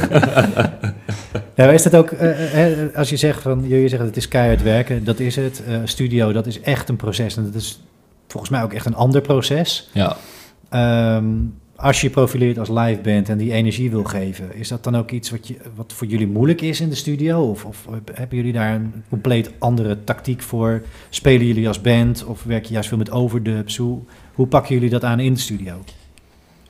Dat is ja, wel interessant, want we hebben juist de laatste plaat waar we nu mee bezig zijn, of in ieder geval die is ook af, maar we moeten hem nog uitbrengen, hebben we dat juist wat anders aangepakt, denk ik. Ja. Ehm, ja, we wilden juist voor, voor ons nieuwe werk wat meer die, ja, echt die live band feel overbrengen. Dus we hebben nu ook ja, in de studio in eh, Okapi hebben we dat eh, gedaan in Rotterdam. Oké, Ehm, ja, dus de drums en de bas hebben we gewoon eigenlijk live getrackt. En dat dus wij, eh, Tom, eh, Lennart en ik, als gitaristen gewoon inderdaad meespelen om echt zoveel mogelijk, ja, weet je wel, dat organische over te brengen. En ehm, dat hebben we bij de vorige plaat hebben we dat niet gedaan. Eh, nee, de plaat ervoor hebben we alles los opgenomen. En Ja. we hebben nu ook bewust ervoor gekozen om deze reden om het zonder klik te doen. Ja. Dus, Dus ja. die dynamiek echt uit jezelf halen. Precies. Ja. ja. En merk Maar- je dat ook als je van op het moment dat er go gezegd wordt, dat er, dat er een bepaalde spanning is, andere spanning? Of, of lukt het ook beter om het dan los te laten als je eigenlijk met elkaar als, meer als band staat te spelen in de studio? Ja. ja, ik spreek voor mezelf, maar ik vind dat wel chill dat je met elkaar staat te spelen in de Ja. studio. Het is toch wat minder. eh, voor mij voelt het in ieder geval minder alsof dan de focus op mij ligt, weet je wel. Dat Ja. iedereen zo op een rijtje voor je zit en zit te kijken hoe jij je partijen inspeelt om een klik. Eh, Mhm. Ben je gewoon met z'n allen aan het spelen, zoals je het in de oefenruimte doet. Alleen nu een keertje met goed geluid. Dus dat vond ik wel heel relaxed. Ja. En dat ze Ehm, dat sowieso af moeten schaffen. Dat andere muzikanten, bandleden, wie dan ook, op een rijtje naar je zitten te kijken als je met je partij bezig Ja, bent. achter zo'n ruitje, weet je Ja. wel. En het helpt niet. Nee, nee. Ja. Dus Ja. Thomas, jij bent het daar niet mee eens? Of, eh? Ja, nou ja, je bent, je bent natuurlijk wel gewoon allemaal deel van het proces. Dus je moet ook elkaar wel een beetje, eh, nou ja, niet monitoren, maar ja.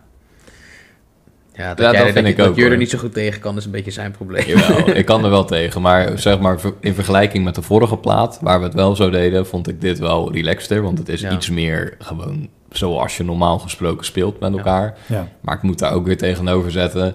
Ehm, ik kreeg er, dat is dan misschien mijn ding als drummer zijnde, maar ik vond het best wel stressvol om zonder klik op te nemen. Want je ligt eigenlijk best wel een verantwoordelijkheid bij de drummer. Ja. Eh, de tempo bepaalt gewoon heel erg de feel van een nummer. En ja, dat ligt dan bij jou eigenlijk voor, voor de hele plaat, voor de hele EP. En dat is goed gekomen, denk ik. Ja, zeker. Maar dat stukje vond ik zelf wel lastig. Maar luister je daardoor ook extra kritisch naar het eindresultaat? Omdat je Ja, ik wel. bij wijze van spreken toch met een klik... Daar ben ik ook heel vaak ja, ja. op geweest dat ik mijn bek erover moet houden. Maar dan zeg ik van, oh, dit is niet strak. Of daar zitten we er net naast. Ja, en het grappige is dan dat Jur dat allemaal hoort, maar dat dan Martijn, die het mixt, gewoon zegt, ah, ik merkte er helemaal niks van dat het op klik was. Weet je wel, dus... Ja. Ja. Ja, je kan je voorstellen dat je na mixronde 4 zoiets hebt. Oké, nu moet het wel klaar zijn. Dat alles wat je er dan nog. is- Gaan jullie door veel mixrondes met elkaar? En is het dan ook echt met z'n vijven schieten op dat resultaat en, en weer een lijstje aanleveren? Of zit dat bij jullie wat, wat Nou, losser? geen wijfrondes. Nee, we hebben er volgens mij twee gehad deze keer. Ja. En dan Ja. op zich wel twee serieuze. Dus we doen dan wel echt allemaal goed luisteren. En we schotelen elkaar eigenlijk onze feedback voor. We kijken of we het eens zijn met elkaar voordat we dat terugsturen naar degene die het mixt. Ja. Precies. Ja. Maar dat doen we niet vijf keer. nee. Eigenlijk één keer en daarna nog een soort halve keer, om het zo Ja. maar te zeggen. En dan laat je het los. Ja, Ja. maar dat is misschien ook omdat we met... Nou ja, we hebben al, nu al twee keer dan met Martijn gewerkt. Met Martijn, ja. En nou ja, na de eerste keer dat was goed bevallen. En na de tweede keer ging echt net zo soepel volgens mij. Zo niet Ja, soepel die gast is eh, ook mega chill. Martijn Ja. Groeneveld is dit trouwens. Ja, Ehm, is ook gewoon super ervaren natuurlijk. En eh, dat helpt, weet je Ja, wel. Wij sturen hem iets op, hij maakt er iets vets van. En de eerste keer dachten wij al van holy shit, dit is nice. En eh, daarna is het een beetje mierenneuken. Ja, ja. En dat is lekker als je kan mieren neuken. Dan Ja. weet je dat het eigenlijk wel goed ja zit. dat zijn de, de Ja, laatste Ik dingen. vind precies, Thomas ja. lekker hoor, mierenneuken. Ja, ja, zijn middelneem ook. eh, eh, ja. ja. Thomas mierenneuken grip nou. Oké, nou die hebben we ook binnen dan. Hey, ja, Thomas, jij had het Ja. net al even over artwork. Ehm, dat zit bij jullie altijd tof in elkaar, als ik eh, dat mag zeggen. Ik denk dat dat mag. Ik zie jullie knikken. ja, Ehm, vinden we zelf ook. Ja, ik, ik- Ja. het is een beetje in het hoekje eh, psychedelisch vaak. Of in ieder geval Mhm. Ja, een bepaalde stijl die je zoekt. Hoe, eh, hoe komen jullie daarbij? Hoe, hoe werkt dat voor jullie, Thomas? Ehm, nou, volgens mij was dat de eerste EP die we uitbrachten, dus na die mixtape. Toen eh, nou ja, hadden Jur en Tom en eh, Len een, volgens mij een Spaanse kunstenaar, ja, denk ik, eh, volgens, ja, eh, Ja. contact mee opgenomen. En die had dus al allemaal van dat soort psychedelische ja, artwork en dingen. collage-achtige, Ja. spacey, abstracte dingen Ja. deed hij. Ja. Ja, en nou, volgens mij hebben jullie daar toen een vraag uitge, uitgezet. En toen eh, was dus die, ja, het artwork van die eerste platen uitgekomen. En voor de tweede plaat hebben we hem eigenlijk weer benaderd. Nou ja, dat is eigenlijk wel totaal wat anders geworden weer, maar ook echt heel tof. Ja, En ehm, nou ja, voor de derde plaat zijn we ook weer met iets eh, bezig. Maar hebben we, hebben we nu een nieuw iemand eh, erbij gehaald. Ja. Nou ja, daar hebben we ook nu wat concepten van, eh, van teruggekregen. Ja, ik vind dat ergens ook echt tof om mee bezig te zijn nog. Weet je wel, het is niet Ja. dat je het heel actief zelf allemaal die artwork aan het maken bent, maar wel tof om ook met dat visuele aspect nog bezig te zijn. En kijken of het een beetje bij de muziek past. Echt hoort bij de fun natuurlijk. Ja, absoluut. Van release. Ja, dat- ja. Ja, Tof zeker. hoor. Leuk. En die keuze voor een ander, eh, dat is in dit geval gewoon een stap die je zet als band. ja. Ja. ja, nou ja, we hebben op zich ook wel leuk om te zeggen. De, de, de muziek die op deze plaat komt, is ook wel gewoon een stukje. Ja, een beetje, we slaan een beetje een nieuwe weg in, zeg maar. Oké. En dan past het er ook wel bij om dan qua art, artwork ook een nieuwe weg in te slaan. ja, een beetje vernieuwing. Ja, precies. Ja, Tof. Oké. Nou, ik ben benieuwd. ik ook. Laatste Hij is vraag. nog niet af, Eh, nou maar, maar ik ben erg we gaan het zien en iedereen gaat het zien. De luisteraars gaan het allemaal zien. Absoluut. Laatste vraag uit het rondje, eh, want dan gaan we naar de rubrieken toe. Die hebben we ook. Spannend. Eh, ja, het- ik eh, zit nu met trillende vingers hier, want de rubrieken gaan komen. Nee, jullie doen ook, kijk op het YouTube-kanaal van Alfatso en je vindt veel clips. Met hoofdrolspelers en met allerlei verhalen daarin. Ehm, is dat ook echt, on, je hebt het net over de fun van artwork, over het proces. Hoort dit er ook bij, het maken van die clips? Ja, absoluut. Ja. Ja, Ja, wil zeker. jij hem antwoorden? Of, eh, Ja, prima. Maar inderdaad, dit is gewoon deel van de fun. En eh, ja, het begint gewoon altijd met een of andere kut idee. Dan zegt iemand van, hé, zullen we dit en dit en dit doen? En dan is nou ja, prima, regel het maar. En dan halen we iemand erbij die het wil filmen. En dan, ja, weet je, we vinden het zelf dan wel leuk om daar ook iets van een rol in te spelen. Ja. En ik denk, we zijn allemaal best wel creatief. Ehm, ook niet alleen muzikaal, maar gewoon, weet je... Ik, nou ja, ik vind het gewoon zelf leuk om een beetje bezig te zijn met zo'n verhaallijn dan en gewoon hoe het eruit ziet grafisch.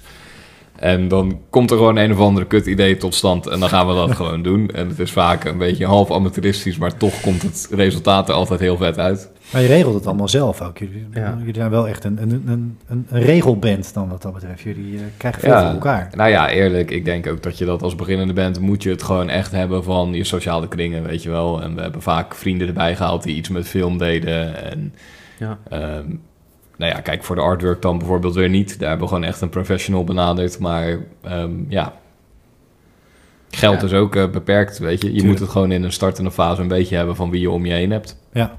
Ja, ja, ik denk dat dat voor iedereen geldt. ja. Ja. Dat was niet zo bedoeld, die woordgrap. Maar eh, hij rolde er ineens Ik uit. vond hem heel flauw. Maar, Ja. ja. Hij, hij was ook niet bewust. Ik denk dat het, dat het goed is dat we hier dan de, deze ronde even, even mee afsluiten en naar de, de rubriek gaan. Nou, gelukkig dat Want je die niet, hebben eh, niet vraagt naar die ene rol van mij in die clip. Gelukkig. Ja, of je, nou, of je nou barman of femme fataal bent, ik weet niet. Het, maar laten we de mensen vooral eerst eens, eh, eens oproepen, de luisteraars, om gewoon die clips te gaan kijken. Ja, Ja. vooral Vragen kunnen naar de helpdesk. ja. Oké.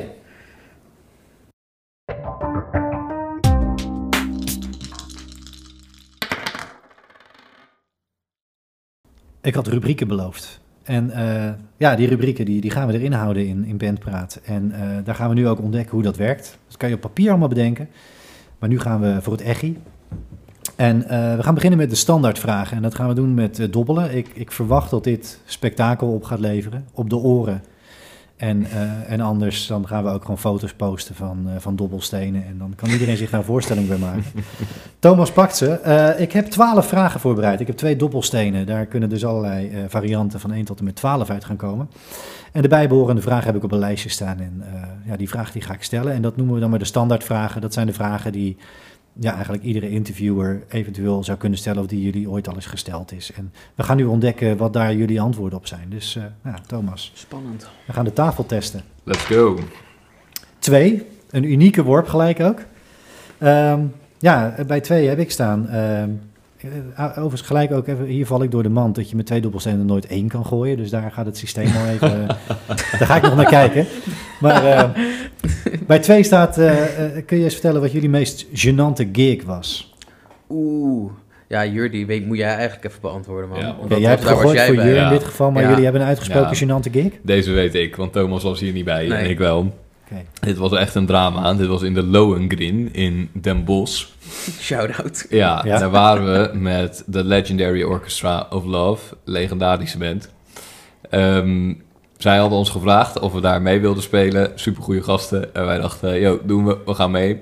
Maar toen gingen we daar dus heen. En ik had gewoon al zo'n voorgevoel van, ja, weet je, ik heb hier eigenlijk nooit van gehoord, Lohengrin. En wij rijden daarheen. En op een gegeven moment reden we dus in een woonwijk, ergens ja, buitenwijk van Den Bosch. En toen zag ik op de TomTom dat het nog maar vier minuten was. En dacht ik, ja, dat kan niet goed zijn. dus wij komen daar aan. En het is inderdaad, ja, een bar. Maar midden in een woonwijk. Echt mega ver van het centrum vandaan. Nou, geen hond te bekennen op straat. Het was echt muis en muis stil. En toen kwamen die bar binnen. En ik hield mijn hart al vast. Maar niemand binnen. Nul mensen. Ja, de barman. Barvrouw was het trouwens. Verder niemand. Dus wij zeggen van, ja, we komen hier spelen. Nou, boel opbouwen. En uiteindelijk hebben we daar dus voor elkaar staan spelen. En er kwam één gast. Ik weet niet meer hoe die heet. Maar hij heeft een heel verhaal oplopen hangen over zijn dochter. Dat hij zijn dochter ook mee wilde nemen. Maar die had geen zin en dat lukte allemaal niet. Dus hij heeft in zijn eentje staan kijken met de barvrouw. En nou ja, de Legendary Orchestra of Love. Dat was ons publiek dan. Dus we hebben een soort van voor elkaar onze set oplopen voeren. Dat was niet best. En dat zie je dan als een verkapte oefensessie. Ja, het was een gratis oefensessie. En, Nou ja, gratis. We hebben, weet ik veel hoe lang ervoor in de auto gezeten. Hij had toch een goede 80-20 eh, deurdeal nog aangehad? Of, eh, ja. Van dat ene kaartje wat we hebben gekocht. Ja. Nee, ja, ik denk dat die wel kwalificeert voor. maar daar kan je dan niet eens zoveel aan doen, toch? Hoe kan je dat tackelen? Want ik denk dat iedere band daar wel eens tegenaan loopt dat je, dat je voor, Tuurlijk, voor twee, eh, twee man en, en het barpersoneel staat te spelen. Dat, Het hoort erbij, je doet er niks aan. Maar het maakt het niet minder kut. nee, Nee. true. Dus eh, als je ooit uitgenodigd wordt voor de Lohengrin, ik zeg, eh, Trap er niet in. pas op. De, de shout-out is geweest. Ja, En nu eh, de, ja, de disclaimer. ja. Oké, Jur, ja, eh, Thomas heeft net voor jou gegooid. Ik Dan weet gooi niet, ik dan gooi jij nu voor Thomas. Dan gaan we het gewoon zo doen. Kijken of je één gooit. Elf. Er ligt 11, dat is mooi. Ja, dat vind ik een mooie vraag dan, die ik nu voor jou stel, Thomas. Maar welke muzikale droom heb jij? En dat mag individueel of band gerelateerd zijn. Hmm, ja, we hadden het natuurlijk net al een beetje over EP's en platen. Nou ja, wat mij echt heel tof zou lijken is nog een keer gewoon als band wel een echte plaat. Dus gewoon een album uitbrengen met gewoon alle nummers waar we gewoon mega trots op zijn. En dat we dat ja, gewoon als compleet kunstwerk gewoon de wereld in kunnen maken. Dat lijkt mij persoonlijk heel tof. Ik eh, moet ook zeggen dat ik ook heel erg geniet van het studioproces. En gewoon het opnemen van de nummers. Ik vind live spelen ook echt heel tof hoor. Maar ja, ik merk vooral dat ik eigenlijk de keer dat we nu dus die plaat hebben opgenomen, dat ik daar echt heel erg van geniet en ook heel veel energie uithaal. Dus ja, wat mij betreft, dat is mijn muzikale droom wel om echt een compleet album uit te brengen. Nog een keer. En dan echt alles erop en eraan. Ja, Tof. Klinkt als een mooie droom. Deel jij die, eh, Jur? Dan eh, even Elfat zo gerelateerd. Ja, zeker. Ik weet niet of dat mijn nummer één muzikale droom is, maar het lijkt me heel erg vet om te doen. En dan denk ik ook echt een album met alles erop en eraan. Dus gewoon een soort dikke instrumentale openingstrack en weet je, een soort Ja. bonus tracks aan het eind. Dat lijkt me heel vet. ja we hebben natuurlijk de gedeelde droom, weet je wel, van op een Ja, groot festival, headliner, weet spelen, je wel. dikke Ja, zaal, een groot podium, ja, groot publiek wat losgaat. Ja, ja, gewoon headliner op een festival. Dat is denk ik wat ja. ons... Maar dat hoort dan bij dit is, album, of dat is ook nog een, een andere muzikale droom ernaast? Ja, daarnaast. Een Ja. ran- random festival? Of?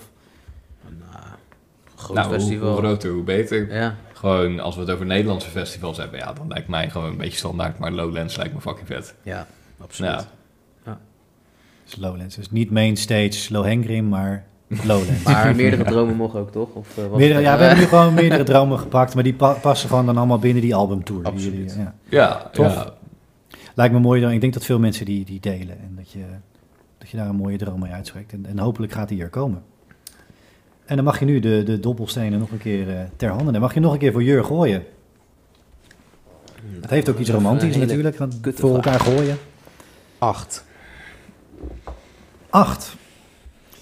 Ja, Jur, deze is dan voor jou. Maar met, met wie zou jij op willen nemen? Dat mag een artiest of een producer zijn. Maar met wie zou jij graag, als je de keuze had, met wie zou je op willen nemen? Deze is wel een vraag, joh. Standaardvraag. Ik zou op willen nemen met...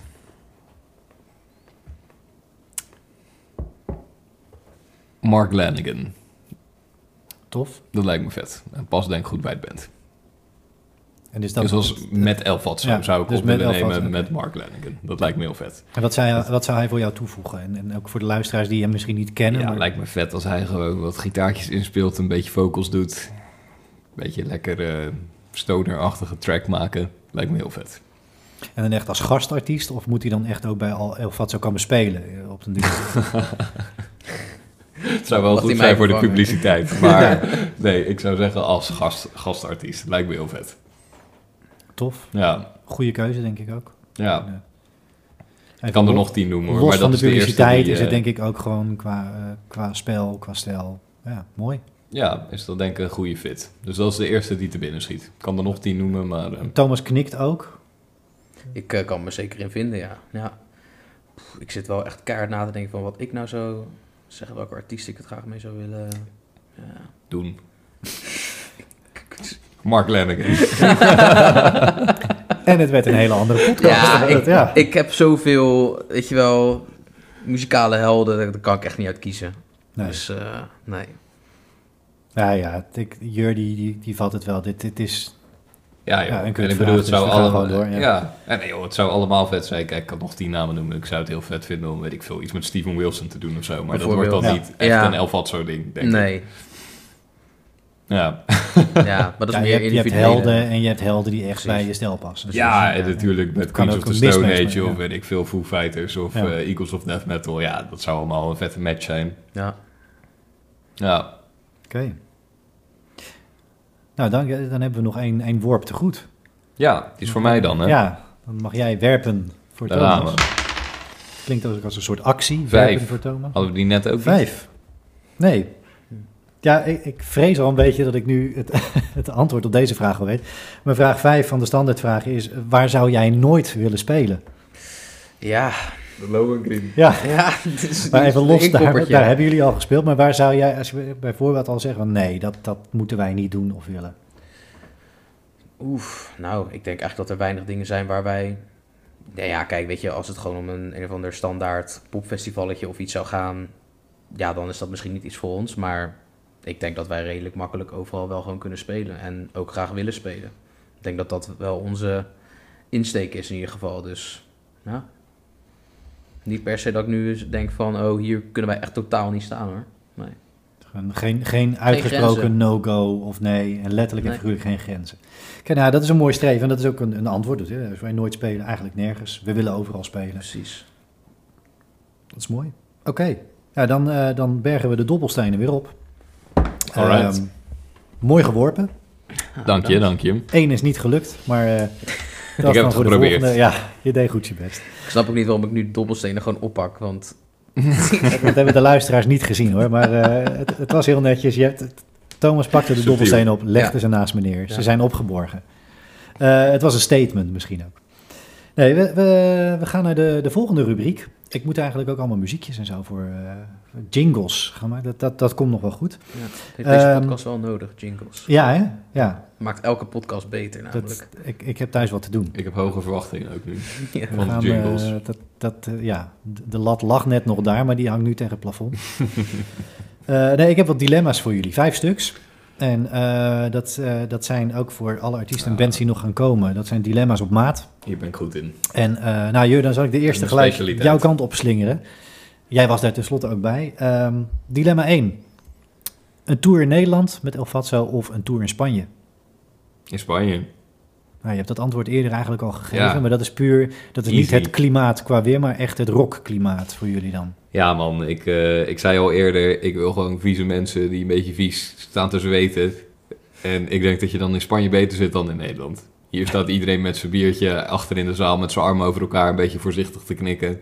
En kritiek te leveren. En in Spanje, daar gaat iedereen gewoon los. En denkt ze, hey, feestje, let's go.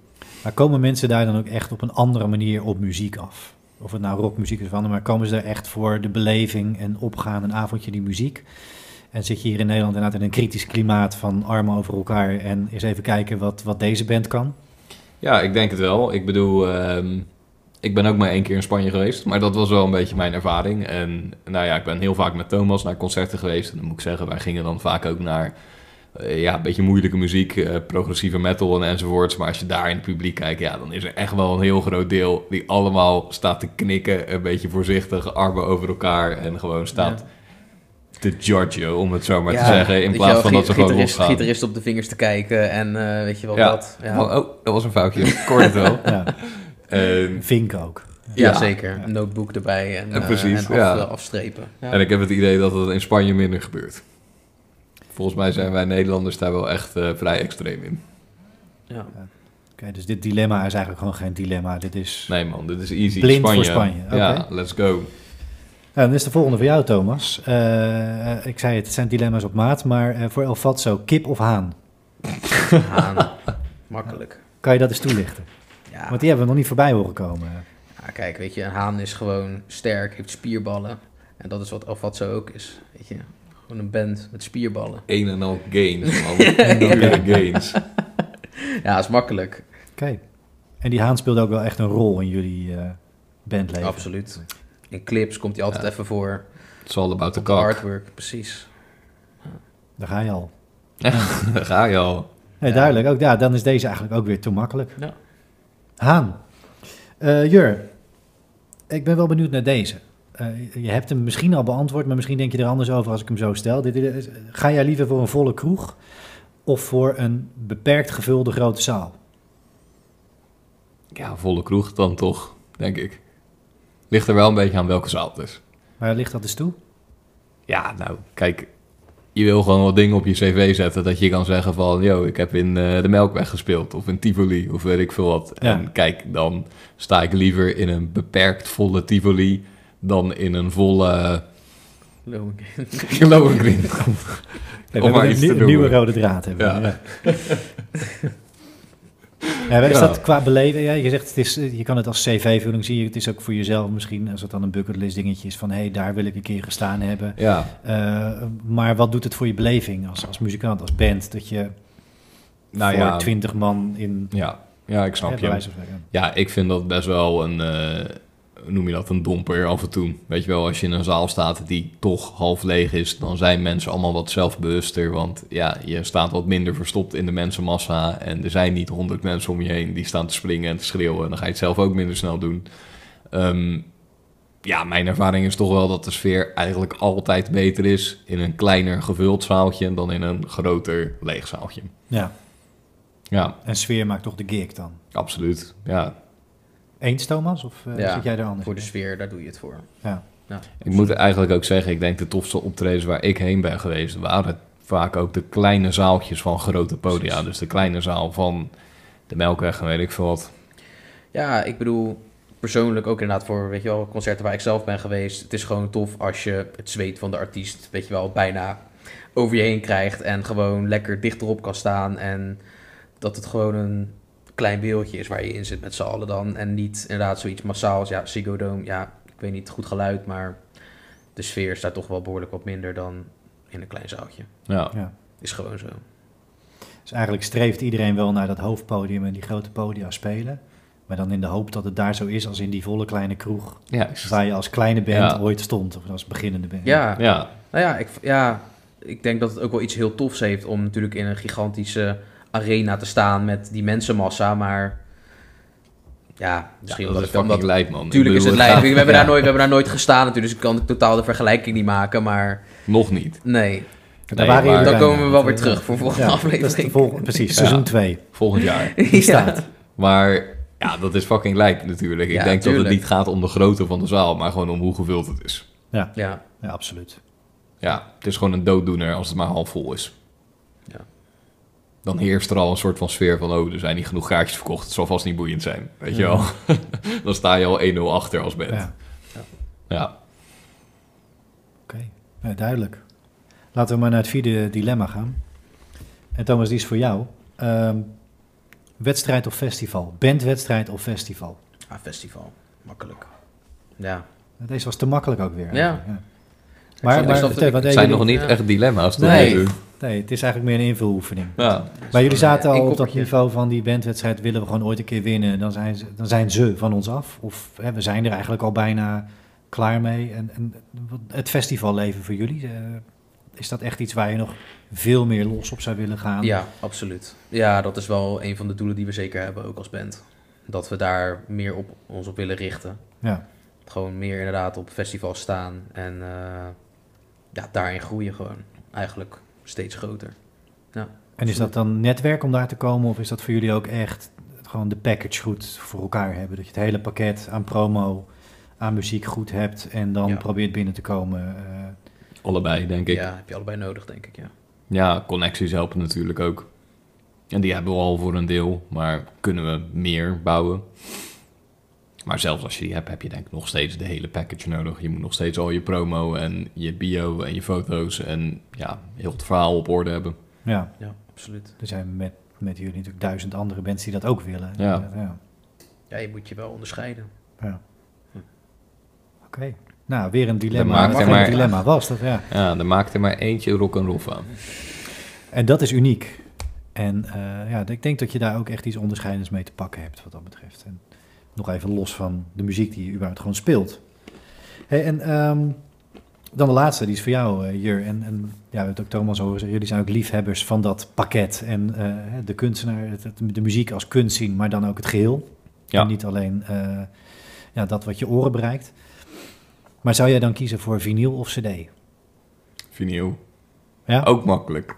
Ja, Maar zie, je Alle dat als, als de, makkelijk. zie je dat als de ultieme drager? Ja, tuurlijk. CD is gewoon een soort slappe vervanging. Een soort natte boterham van, eh, van wat een vinyl is. Ja, het is toch veel vetter. Gewoon, je wil gewoon een Tuurlijk. platenspeler met een oldschool vinyl erop. En het is gewoon vet om in je handen te hebben. Het is lekker groot en bulky. En je artwork komt er beter uit. En anders heb je zo'n, ja, plastic doosje. ja. Ja. Ik ben geen fan van cd's. En ook, laten we eerlijk zijn, wat is een cd nog tegenwoordig? Je kan hem niet eens meer ergens instoppen. Want als je nu een computer koopt of weet ik veel wat, die heeft geen eens een... Niks eh, met auto's ook er kan Nee. helemaal geen cd in en de auto ook niet. Dus ook dat is eigenlijk al outdated. En dan denk ik, ja, eh, doe dan maar vinyl, weet je. Dat is ook outdated, maar dat is nog een soort collectors ding. En Precies. Ja. ik vind het zelf ook gewoon veel vetter. En als we hier dan nog een derde aan toevoegen, cassette, ja, dan nog steeds vinyl. Eens vinyl. Ja. Ja, kijk, hier staat hij bovenop de kast. Ja, Vet. ja dat, dat hebben is, is gewoon al Nou, dat gevoel dat kan ik wel, eh, wel delen. Van, Ja. dit, dit is fysiek iets van de band. Ja. Dit hebben wij gemaakt en Ja. hier is het. Ja. Ja, een soort kindje. Ja. Onze eerste baby. Nou, Ja, we zeggen altijd dat we een eigen recht hebben, toch? Als we we hebben weer een ei gelegd. ja. Nou, ik denk dat dat deze dilemma-ronde mooi afsluit. Dat eh, ook dit eigenlegd is. Ja, Het was een eitje, ook wat dat betreft. absoluut. Ja. En Ja. ja. ja, dan wil ik eigenlijk naar, eh, naar het slot gaan. En ehm, we zijn al een tijdje bezig. En daarvoor wil ik jullie in ieder geval heel veel danken. En ook voor de gastvrijheid dat ik hier überhaupt mocht zijn. En dat de podcast hier mocht komen. Je bent welkom. Ja, iedereen, ja, dank je. Thanks. Iedereen gaat met jullie eh kennis maken natuurlijk op deze manier eh, de diepte in. Ehm, om de laatste stap nog even te zetten van echt de diepte ingaan en in, in de krochten van jullie zielen te kruipen. Ehm, en dat wil ik eigenlijk van jullie allebei weten. Misschien komen jullie er samen op. Maar eh, ik wil de podcast eigenlijk altijd afsluiten met de vraag van waar staat deze artiest, waar staat deze band over vijf jaar? Waar zie je jezelf? Dat klinkt heel erg Jeroen Pauw, ik weet het. Eh, Thomas, pak jij hem eerst op? Nou, dat we nog bestaan, eh, daar ga ik ook sowieso van uit. Ehm, nou ja, we hebben het er als band recentelijk nog over gehad. Eh, van ja, waar willen we naartoe werken en eh, waar willen we heen als band? En ja, wat ons allemaal verbindt is toch inderdaad die droom dat we, weet je wel, op een groot festival willen staan als headliner. En nou ja, over vijf jaar zou dat echt heel mooi zijn als we dat kunnen bereiken. En nou, die weg naar daar naartoe, nou, er zijn nog een hele hoop dingen die we moeten doen. Maar daar gaan we gewoon aan werken. En eh, over vijf jaar willen wij gewoon een headline staan op een hebben op een festival. En nou ja, daarvoor natuurlijk een hele hoop toffe shows spelen. Maar dat is toch wel het, eh, het doel waar we heen willen, denk ik. Ja, man. Ja, ik sluit me daarbij aan. Ik wil ook gewoon een dik festival spelen. Het liefst als headliner. Ehm clubtour doen Ja, als headliner. Ja. Met gewoon echte zalen, weet je wel. Niet de low and green, maar gewoon toffe Echt zalen. Echt met publiek ook. Echt Ja. publiek. eh, gewoon uitverkocht. Mensen die losgaan. Ja. Dik album uitbrengen. Met alles erop en eraan. Ja, joh, we hebben zoveel dingen die we willen doen. Ik, eh, we zijn al heel veel dingen aan het doen. Er komt van alles uit. We hebben binnenkort dus weer die nieuwe EP. Maar ik wil het gewoon allemaal net nog een tandje hoger brengen, weet je. En dat eh, ook eigenlijk wat betreft eh, onze eigen spelen. Gewoon strakker leren spelen, beter leren spelen, betere show neer leren zetten. ja, En gewoon groeien. Mooi. Ja, ik denk, Ja. En, en bij die groei als band, bij die ontwikkeling, hoop je dan inderdaad ook echt dat die ontwikkeling meepakt van hoger komen. ja. Ja, we hopen dat het dan gewoon ook gezien wordt, weet je wel. En Ja. dat eh, de wereld om ons heen ook denkt van... hé, hey, die gasten zijn aan het groeien en eh, we geven ze een groter podium. Ja, nou, vind ik mooi dat je dat zegt, dat, dat je daarmee eigenlijk, ik denk dat dat ook mooi is om nou, naar andere bands mee te geven of naar beginnende bands die eventueel luisteren, dat je, dat je aangeeft van het, het begint ook wel bij een ontwikkeling als muzikant en als band. Van het is niet alleen maar van hé, hey, wij doen dit, dit is leuk en nu moet iedereen ons boeken, nu moeten wij overal terecht kunnen. Ja, Maar je wil ook echt, echt vanuit jezelf als band, als muzikant, ontwikkeling om ergens te komen. ja, Ja, absoluut. Ja, kijk, je bent natuurlijk als band ben je een soort vriendengroep, maar je bent natuurlijk ook gewoon een project en het is bijna een soort van bedrijf af en toe. En Ja, ja, ja, daar moet je gewoon in groeien. Dat is gewoon het belangrijkst. ja man. En ik ga helemaal filosofisch nu, maar gewoon... doe. Ja, nou, het plezier wat ik uit een band haal is ook gewoon specifiek die groei. Weet je wel, ik vind het Ja. leuk om ergens beter in te worden, om ergens in te groeien, om iets te leren en een soort vak onder de knie te krijgen. En daar zijn we nu mee bezig met die band. En we zijn een eindje, maar we zijn nog lang niet bij het eindstation, denk ik. Zeker niet. En afgezien van de grote shows en de festivals en de clubtour en alles die we willen doen, haal ik al heel veel plezier en energie uit het feit dat we gewoon groeien en beter worden in wat we doen. Absoluut. Sluit ik me helemaal bij aan. Ja, Tof. nu, nu stop ik weer Ja. met filosofisch doen. Ja, ik denk dat dit, eh, dit filosofische einde ook een heel mooi, eh, mooi einde is van deze, deze aflevering van de podcast. De allereerste. Ja, Ehm, ja, waarvoor ik jullie gewoon eh, echt nogmaals heel hartelijk wil bedanken dat jullie dit wilden doen. Voor de gastvrijheid en voor het toffe gesprek. Dus, thanks. ja, Ja, graag gedaan. Nou, wij vonden het, eh, als ik voor mezelf spreek, ik vond het heel tof om te doen. En eh, ook een eer dat we de eerste mochten zijn. ja, ik vond niks. Ja, ja punt. ga- ik ga Sluit naar af. Je gaat naar huis. Ja, ja Je bent al thuis, man. Dan zeggen we doei en dan eh, gaan we hem hier, eh hierbij laten. Oké, Hoi, hoi. doei doei.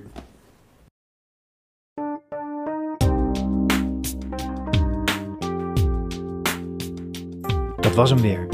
Heel erg bedankt voor het luisteren naar Bandpraat. Je mag de komende tijd iedere week op maandag een nieuwe aflevering verwachten. En dus iedere week een nieuwe toffe artiest of band. Abonneer je op Bandpraat in jouw favoriete podcast-app en mis niets over al die toffe bands en artiesten die Nederland rijk is. Heel veel dank aan al die artiesten en bands die meedoen. Heel veel dank aan jou voor het luisteren. Spread the word en tot later.